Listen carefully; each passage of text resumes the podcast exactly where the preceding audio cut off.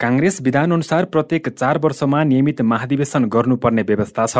तर काङ्ग्रेसले विधानले दिएको एक वर्षको सुविधा र संविधानले दिएको थप छ महिनाको समय पनि गुजार्दै मङ्सिर नौदेखि तेह्रसम्म महाधिवेशनको मिति तोकेको छ। काङ्ग्रेसको महाधिवेशन गर्ने निकाय निर्वाचन समितिले क्रियाशील सदस्यता वितरणको कार्य टुङ्गिएपछि कम्तीमा उन्चास दिनको समय माग गरेका कारण भदौ सोह्र गतेबाट सुरु हुने भनिएको महाधिवेशनको मिति सरेर मङ्सिर नौमा पुगेको छ। काङ्ग्रेसको संशोधित कार्यतालिका अनुसार वडा अधिवेशन भदौ अठार गते गर्ने तालिका छ। यस्तै गाउँ नगरपालिकाको अधिवेशन भदौ सत्ताइस गते गर्ने तय भएको छ।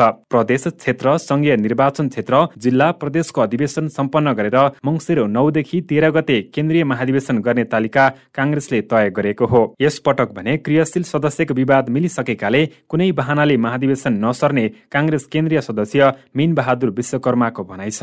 विवाद टुङ्ग्याउनका लागि हामी यहाँ समय लाग्यो। फलस्वरूप तोकिएको समयमा महाधिवेशन भएन र हामी सकिन्छ होला सकिन्छ होला भन्दा भन्दै भन्दा भन्दै हामीले चौथो पाँचौँ पटक नीति सार्न पुग्यौँ। तर अहिले चाहिँ हामीलाई विधानले पनि र संविधानले पनि कुनै सुविधा नदिएको हुनाले हामी तोकिएको नीतिमा गर्नै पर्छ।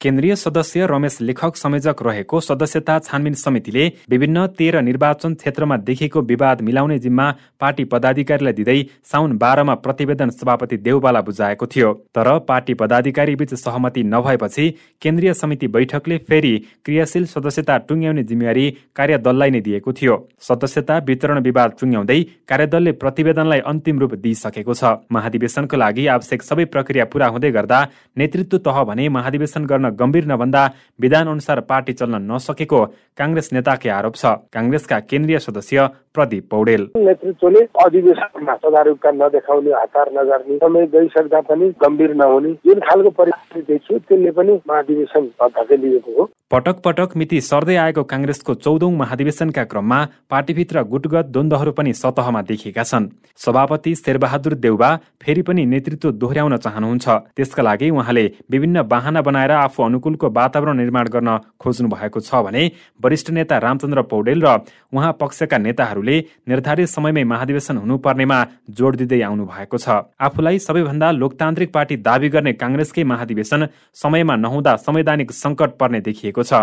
जसले काङ्ग्रेसको भविष्यमाथि नै प्रश्न उठेको बताउनुहुन्छ राजनीतिक विश्लेषक पुरञ्जन आचार्य। काङ्ग्रेसको संस्कारमा कुनै कुरा गलत पर्नु भनेको समग्र मुलुकको संस्कार चाहिँ उल्टो पुल्टो हुनु हो। किनभने काङ्ग्रेसले भनेकै सिस्टम छ नेपालमा अहिले। आफ्नो टाइमले अधिवेशन गर्न सक्दैन छ छपल्ट सार्छ भनेपछि काङ्ग्रेस पार्टीको बारेमा पनि चाहिँ विश्वसनीयता कम हुने काङ्ग्रेसको भविष्यमाथि चाहिँ प्रश्न चिन्ह लाग्ने। नेपाली काङ्ग्रेसको महाधिवेशन बारे बढ्दो अन्यलताले वैधानिकतामै प्रश्न उठ्दै गर्दा विगतमा काङ्ग्रेस नेतृत्वले देखाएको नैतिकताको चर्चा हुन थालेको छ।